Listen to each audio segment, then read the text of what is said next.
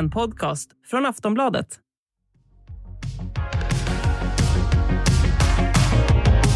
Lena och My, så fint att se er. Hej. Hej. Eh, Magdalena Andersson har meddelat att vi ska höja anslaget till försvaret. Var det någonting som var väntat? Vad betyder det? What does it mean? Hjälp. Jag tyckte det var ett oerhört allvarsamt och på det sättet väldigt olustigt besked från Magdalena Andersson. Därför att vad de ser framför sig från regeringens sida det är ju att det här blir en lång och utdragen konflikt av en sån karaktär att det svenska försvaret måste stärkas rejält. Mm. Känner du likadant My? Är du orolig? Eh, nej men det är ju framförallt det här med att man sa att unga måste i annan utsträckning nu förvänta sig att få göra värnplikten. Det betyder ju också väldigt mycket för försvaret och för liksom beredskapen i samhället, hur samhället ser på möjligheter till krig och samhället behöver förbereda sig så att en, en ung generation som växer upp nu måste se det som en möjlighet att kanske hamna i liksom en krigssituation. Mm. Alltså, det, det, är ju så oerhört speciella tider vi, vi lever i nu. Tre, det här kriget går in på sin tredje vecka. Hur, um, hur, hur, känner ni? Alltså, hur går det med det här domedagsskrollandet på nätterna? Um, eh, ja. ja. men det fortsätter. Misären är ju bara värre och värre. Det blir ju bara hemskare och hemskare hela tiden. Har ni börjat stänga av? Ja, jag domedagscrollar inte på nätterna. Nej. Jag skulle aldrig falla mig in. Jag tittar inte heller på tv. Jag tycker inte om bilderna. Nej, okej. Okay. Jag håller helt smart. med dig Lena faktiskt. Jag, tittar, jag har också svårt för nyheterna på tv. Ja.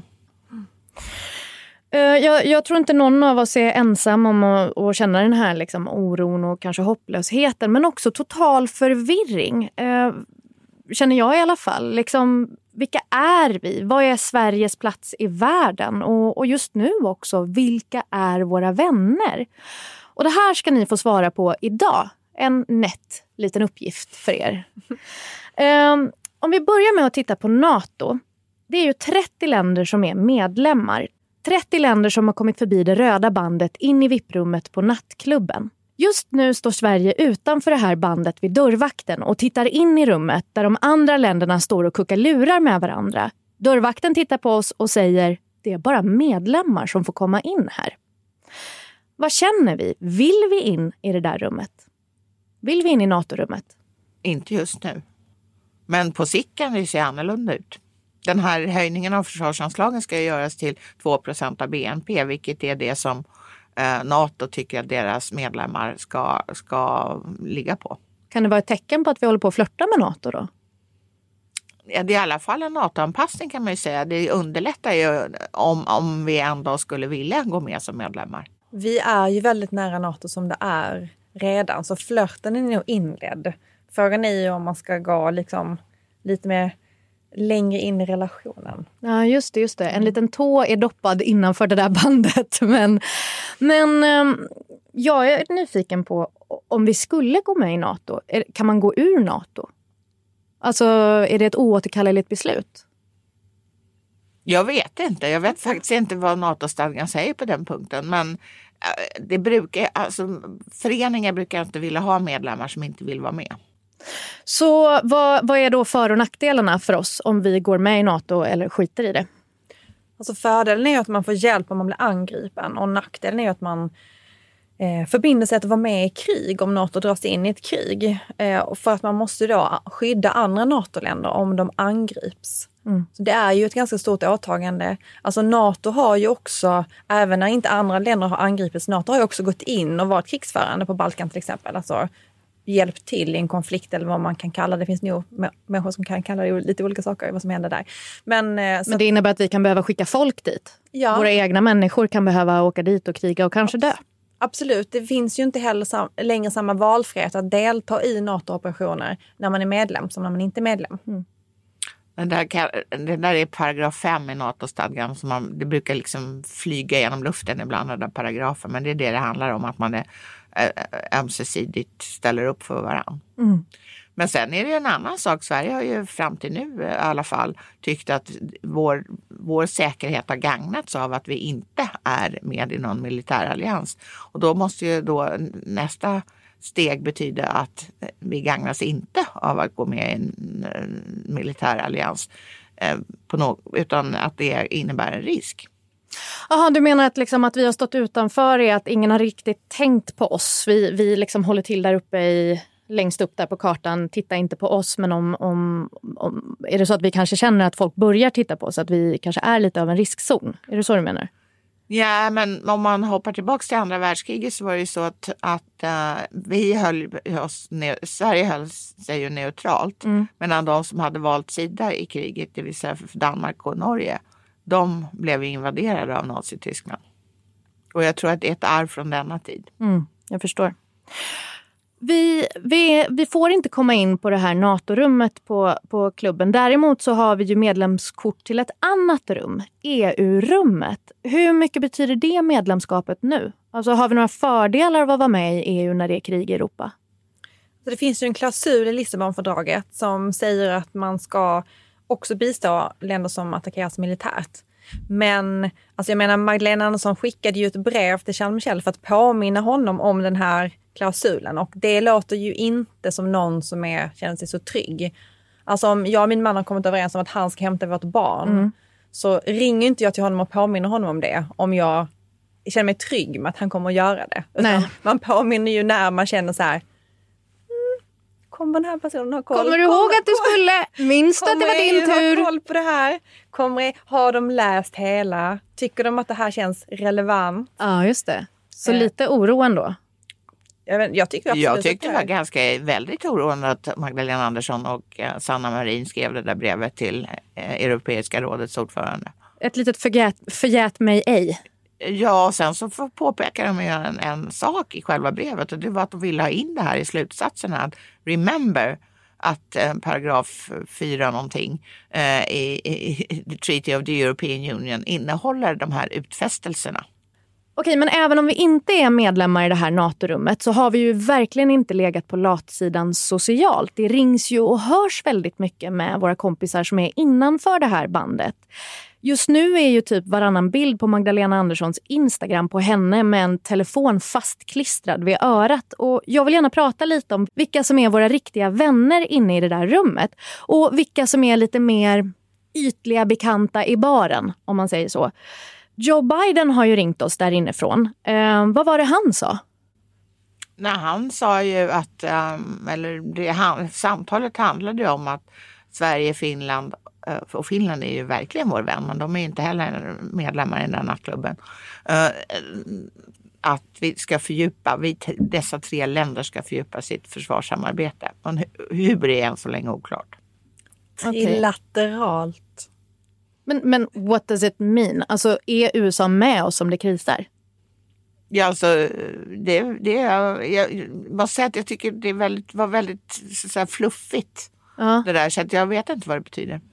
Jag tror att vi remains to be seen. Okej, okay, de får bevisa sig helt enkelt om det händer någonting men vi kan inte riktigt lita på dem Alltså säkerhet kan ju betyda väldigt många olika saker. Mm. Det kan ju betyda att man till exempel som Sverige säger, vi bistår ett land i krig, vi skickar sjukvårdsmaterial till exempel. Alltså säkerhet kan ju vara så otroligt brett. Så det, och det är det enda specifika de har sagt. Ja, de sa försvarssamarbete faktiskt. Ja. Det låter fluff. Det låter som att eh, man kan anpassa det efter situation när det väl kommer till kritan. Okay. Vi kan skymta en annan kompis inne i NATO-klubben också. Olaf Scholz, Tysklands förbundskansler. Han står ju där inne och smuttar på en piña colada ser vi. Han är ju också socialdemokrat och var med under S-kongressen där Magdalena Andersson valdes till partiledare. Och han beskrev henne som rättfram och uppriktig. Och de verkar ju faktiskt känna varandra. Vad betyder en sån vänskap i ett skarpt läge? I ett skarpt läge tror jag inte betyder någonting för då kommer varje land se till sitt eget bästa. Inte ens liksom old bara, friends. Inte ens. inte ens. liksom EU, ingenting. Jo, men inom ramen för EU finns det ju en vänskap där. Um, men det, det, är ju väldigt intressant med Tyskland tycker jag i det här med att man har ju bestämt sig för att stärka sitt försvar och skicka vapen till Ukraina för att Tyskland har ju varit, hur ska man beskriva det, lite försiktiga med det här med liksom militär upprustning. Det har varit väldigt tabubelagt ämne för sist Tyskland hade en stark militär så gick det liksom dåligt för Europa. Ja. Så det har ju varit ganska lång tid där man liksom inte, man har tyckt att det var svårt att prata om det. Och de som är Tysklandskännare säger ju nu att det är otroligt på liksom bara några dagar hur en hel liksom doktrin bara kan brytas sönder och bara försvinna och bli någonting helt annat. Så att det är ju, um, ja men i, i Tyskland är historien alltid väldigt nära det här liksom ett världskrig. Så mm. jag tycker att även om de kanske inte skulle kasta sig på att hjälpa oss alltså utanför EU-samarbetet så är det väl väldigt intressant vad som händer i Tyskland när vi står inför liksom ett krig i Europa.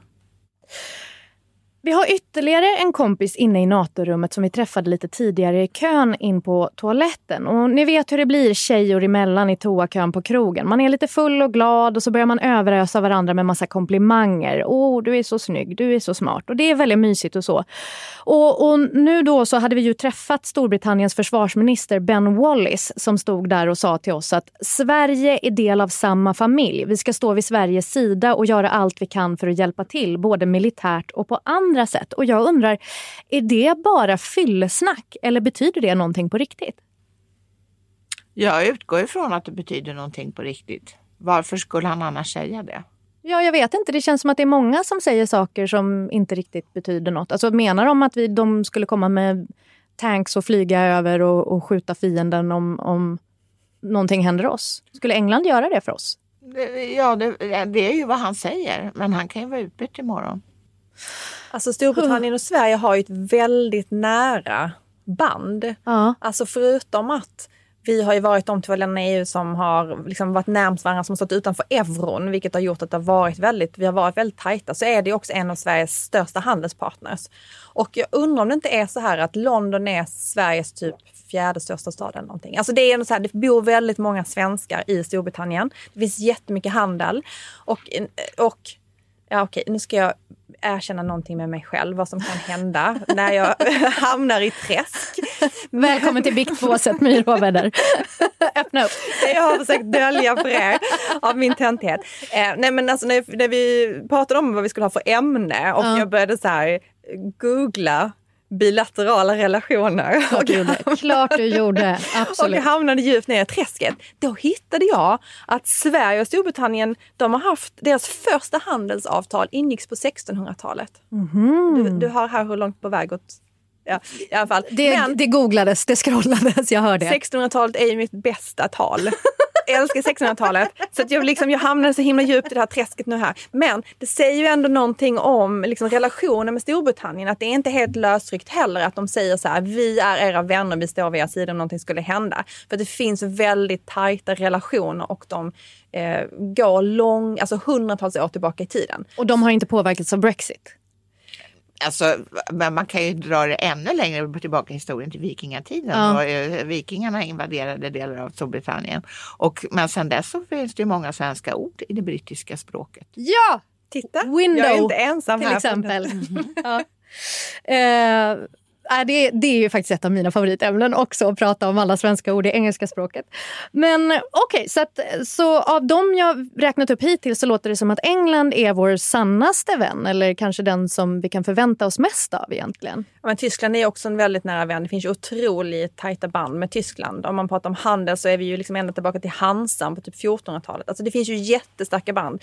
Sverige har en jättestor befolkning, tyskättad befolkning. Mm. du. till exempel. Mm. Ja, men inte, jag menar inte jag, jag menar inte liksom efterkrigsflyktingar utan jag menar sådana som eh, eh kom liksom under som handelstyskar som kom hit under, det finns ju tyska kyrkan i Gamla stan och sådär. Så att jag menar, det finns ju jättetajta band men jag tänker att om man ska jobba på någon relation i EU för Sveriges del så är det väl kanske Frankrike mm -hmm. som kan vara en liten kärvare partner men som har väldigt mycket makt i EU. Så att, eh, jag tänker nu är Magdalena Andersson i Versailles eh, och träffar liksom EU-ledarna idag och imorgon, eh, tror jag. Eller är det bara idag? Mm, två dagar. Eh, och eh, att det, liksom, det är ett informellt möte men att det liksom, man behöver jobba lite nu här med de här relationerna och få med sig lite fler personer än bara våra liksom, närmsta vänner. Hur ska vi smörja Frankrike då? Vad har vi att erbjuda dem? Nej, men, alltså, när det gäller EU så handlar det om att skapa allianser. Ja. då tror jag att det, nu var ju då Sverige och Storbritannien väldigt eh, intimt förknippade och gjorde ofta gemensam sak innan då Storbritannien lämnade EU. Mm. Men nu så tror jag att det mer handlar om att skapa allianser i, i, i fråga efter fråga. Alltså att det kommer att vara olika allianser som Sverige ingår i. Men om vi går tillbaka till, eh, till klubben. Vi, vi är ju inte ensamma utanför det här röda vippbandet till eh, NATO-rummet. Utan vi, precis som du sa Lena, vi, vi står ju här utanför tillsammans med vår gamla polare Finland. De har inte heller medlemskort till NATO. Hur ser vår relationsstatus ut emellan? Är banden starkare än någonsin nu mellan Sverige och Finland? Och hur märks det? Ja, för det första så berättade Magdalena Andersson igår, tror jag det var, att hon pratade dagligen med eh, antingen president Niinistö eller med eh, statsminister Sanna Marin. Mm. Så att eh, bara en sån sak är ju helt otrolig. Så har det inte sett ut tidigare? Nej, nej, Sverige och Finland har ju alltid, alltså för det första var vi ett land fram till för inte för jättelänge sedan. Mm. Och för det andra så har banden alltid varit starka. Och som också Magdalena Andersson sa, förra gången vi, vi skickade krigsmaterial någonstans så var det 1939 till Finland efter de hade angripits av Sovjetunionen. Just det. Mm. Det var 83 år sedan. Och är det bra att vi är två stycken tillsammans utanför Nato på något sätt? Att vi kan hålla ihop? Det kan ju också bli komplicerat. Okay. För jag tänker att en del i det här med att de behöver ha kontakt liksom varje dag, det är ju att om man nu tar några steg och närmar sig Nato så behöver man i stort sett göra det tillsammans. Mm. Och det är ju svårt för det är ju två länder och två opinioner och liksom, det kan, de kanske har tur att de är från samma typ av partier ändå. Men alltså det är ju ändå så här, är, om man ska röra sig åt något håll så måste man verkligen koordinera sig. Eh, och jag tycker att den här maktbalansen mellan Sverige och Finland ändå har förskjutits lite. Om man ser liksom på en relation där en är mer kär än den andra så är det ju har jag alltid uppfattat det som att kanske är Sverige som är den lite mer älskade parten. Mm. Men att nu så är det väldigt avvaktande i Sverige på vad Finland ska göra. De har liksom tagit ledartröjan lite mer i, det här, i den här frågan. Och jag tror att det handlar om att man liksom är lite närmare NATO med den här optionen. Och ah. att man liksom snabbare också visade opinionen att man liksom gick åt det hållet. Och det gör ju att man, ja, men att man behöver ha väldigt nära kontakt. Så att inte någon tar liksom ett stort steg utan den andra. Jag tror också att det liksom är en del i att det blir väldigt svårt att prata om det här med till exempel en folkomröstning om NATO eftersom att man är så himla beroende av varandra. Så skulle något folk liksom rösta eh, tvärtom så skulle det bli väldigt svårt eftersom man har bestämt sig för att göra det här tillsammans. Just det, men, men så den här liksom att att maktbalansen mellan Sverige och Finland har förändrats och att Finland ställer sig lite närmare Nato än vad Sverige gör. Kommer det påverka oss att också behöva liksom gå dit för att behålla Finland i relationen? Alltså jag skulle inte alls vilja säga att, att Finland står närmare Nato än vad Sverige gör. Inte? Nej. Alltså för det, det är ju intrycket jag får när jag läser tidningarna och när jag alltså hör vad folk Finland har eh, gjort eh, i samband med att de blev EU-medlemmar var att uttala den här så kallade NATO-optionen. Men det är ju ingenting som finns i något dokument.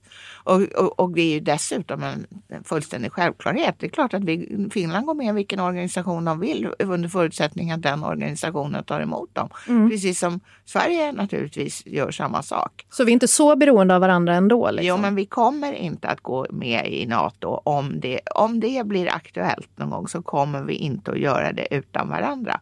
Och det beror ju på att eh, flanken mot Ryssland helt enkelt. Ja, just det. Det så finns klart. en väldigt stor skillnad där i att Finland har en hel gräns mot Ryssland. Absolut. Som vi inte har. Det, det, det tillför något, det måste man ju säga. Och de har ju också upplevt det här med att vara styrda av Ryssland. Mm. Så att det finns ju en helt annan relation Visst. än vad vi har. Mm. Summa summarum, um, hur ensamma skulle ni säga att vi är i världen nu när vi gått igenom våra vänner eller på den här krogen? Hur, hur, hur alena är Sverige? Jag tycker inte att vi är så ensamma. Nej. Det kommer att bli bra, är det det ni säger? Det har jag inte sagt. Vad säger du då? Jag säger som Ann Linde, det kan fortfarande gå till helvete. men, men det man kan säga är ju att Nord, det nordiska samarbetet som ju har, har uppfattat som väldigt viktigt och väldigt nära. Det är ju ingen vidare, inte någon vidare kondition just nu. Berätta. Ja, dels har, ju pan har pandemin gjort relationerna mer ansträngda därför att vi tyckte att Norge och Danmark betedde sig eh, konstigt mot oss och stängde gränser och, och, hade, och stängde, tog inte emot svenskar, för, kunde inte komma till jobbet i Norge eller och Mm. sådär. Mm. Men sen, det började ju redan under flyktingkrisen då när gränskontrollerna återupprättades. 2015? Mm. Jag har faktiskt tänkt på att det har ju varit, med tanke på hur frånvarande Danmark har varit ändå i den svenska debatten. Mm. Det har ändå varit in, det är intressant ändå att det liksom verkligen är sådär. De brukar ändå alltid dyka upp, men det har varit mycket tyst om Danmark. Ett, liksom danska politiker har inte pratat med svenska politiker, det har inte varit några fototillfällen, inte norska heller. Det har verkligen varit så här. Så vad innebär det? Avsaknad. Att liksom, om någonting händer, om, om liksom oroligheterna flyttar sig hitåt så, så kommer eh, Norge och Danmark hänga med sina kompisar inne på NATO-rummet och skita i oss? Eller? Gahr Støre, alltså den norske statsministern, skulle ju komma hit men det, det blev eh, inställt för att Magdalena Andersson hade, hade covid-19. Men, men sen blev det ett digitalt möte så att det, det, därför blev det väl inget fototillfälle med honom. Annars så är väl det så att Norge är, lite, är vi lite närmare än Danmark för närvarande. Men är ni oroliga för relationen mellan Sverige och Danmark? Ja, men just nu så är ju alla statsministrarna socialdemokrater så de tillhör ju liksom en e- gemensam krets liksom, utöver det här.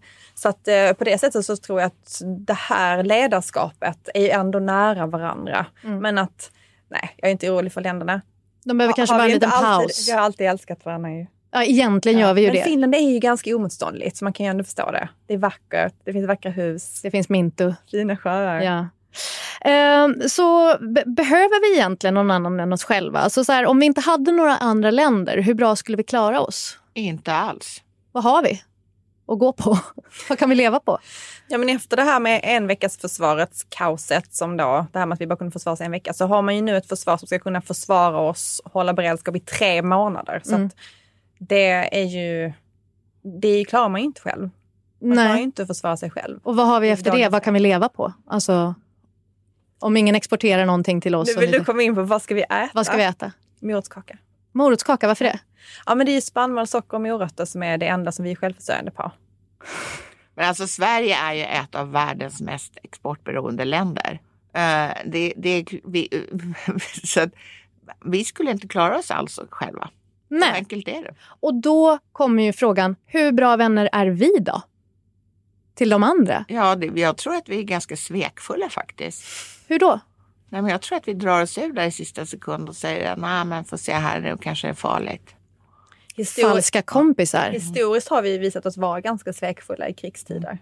Det är en helt egen podd. Man får gå in på någon historiepodd. Ja, när det är dags att kolla oss själva i spegeln.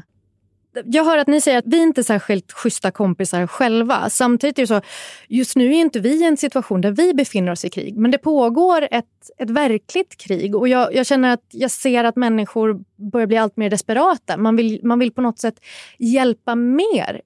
Hur kan Sverige vara bättre vänner till Ukraina? Ja, vi kan ju börja med att inte vara så njugga och säga att vi vill helst inte ha några flyktingar. Ja. Eh, utan ta emot de människor som, som flyr hit och lå- låter dem bo här så länge de behöver det. Jag, säger inte partierna det nu då? Att, var det inte lite mer öppna armar nu? Ja, men det här, det här eh, alltså det, det gäller ju högst tre år. Då Ja. vet man ju inte om den här konflikten, konflikten kommer att pågå längre. Du menar att det ska vara eh, obegränsad tid? Eh, det, jag, det vet jag inte om jag menar, men så länge man behöver skydd så tycker jag man ska få det. Mm. Och vad, vad kan, kan vi göra någonting annat politiskt? Vad, vad kan Sverige göra för att hjälpa på plats? Alltså, nu kommer det liksom rapporter om att sjukhus bombas och förlossningsavdelningar och BB. Alltså, Ja, Det är ju så hemskt, så man vet ju liksom inte. Alltså just nu så är det ju, liksom, ah, den här akuta fasen är väl också att liksom, människor behöver hjälp. ja. Och det finns ju många organisationer på plats som hjälper till. Så man kan ju skänka pengar, man kan ju hjälpa människor som kommer hit. Mm. Eh, om man tänker liksom på ett mer regeringsplan eller liksom på... ja, men för det gör jag nog. För jag Ja. tänker att så här, ska det ligga på den enskilda människan att ha råd att skänka pengar? Liksom? Alltså, Sverige skänker ju jättemycket till eh, Ukraina. Det, Ja. eh, före det här krigsutbrottet så var summan en kvarts miljard per år. Ja. Så det är inte så att vi, vi på det sättet har varit njugga. Nej. Men eh, frågan är väl lite vad, vad är meningsfullt i det här läget? De vill ju ha krigsmateriel. Vi vill väl kanske för närvarande behålla det krigsmateriel vi har och inte dela med oss så himla mycket av det. Jag vet inte, men jag skulle tro det. Mm. Så att, eh, men däremot sjukvårdsutrustning, alltså den typen av, det brukar nämnas minröjning, alltså den typen av, av, av eh, bistånd kan man också ge. Och om vi hoppas att det här ändå är en övergående fas in, inom liksom en rimlig tid så kommer det också behövas hjälp med uppbyggnad och sådär. Så det finns ju liksom en annan fas efter också. Mm. Om man hoppas på att det ska ta slut snart Mm. och hjälpa till. Och sen, sen tänker jag också att gemene man naturligtvis också känner att man, man vill göra någonting. Det är ju liksom enda sättet att få kontroll i en sån otroligt okontrollerad och förvirrande tid. Och, och känner man att man vill det så kan man ju naturligtvis skänka pengar. Aftonbladet har ett, eh, en insamling som är till förmån för Svenska Röda Korset. Och vill man swisha dit så kan man göra det på nummer 980 79. Alltså 900 8079. Tack så hemskt mycket Lena och My för att ni var med idag. Tack! Programmet är slut för idag. Vi som har gjort programmet är producent Olivia Svensson, experter Lena Melin och My Råväder och jag heter Soraya Hashim. Vi hörs nästa vecka. Hör av er på podcast.aftonbladet.se om ni vill ställa några frågor till Lena och My. Puss puss! Du har lyssnat på en podcast från Aftonbladet. Ansvarig utgivare är Lena K Samuelsson. Människan bakom monstret. Jag ville straffa dem för att de pratade med de vidriga killarna istället för mig. Jag heter Kiki Selstedt, är deckarförfattare och kriminolog. Och I den här poddserien tar jag mig in i huvudet på dem som kategoriseras som monster. Försöker förstå det logiska i det ologiska. Ju längre ner han sjunker, desto mer desperat och aggressiv blir han.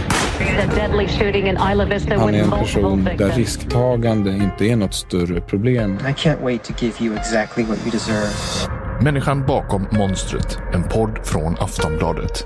Du hör den i Aftonbladets app och på Podme.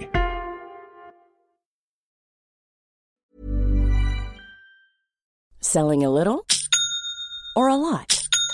Shopify helps you do your thing however you cha-ching. Shopify is the global commerce platform that helps you sell at every stage of your business. From the launch your online shop stage to the first real life store stage, all the way to the did we just hit a million orders stage. Shopify is there to help you grow. Shopify helps you turn browsers into buyers with the internet's best converting checkout. 36% better on average compared to other leading commerce platforms because businesses that grow grow with Shopify. Get a $1 per month trial period at shopify.com/work. shopify.com/work.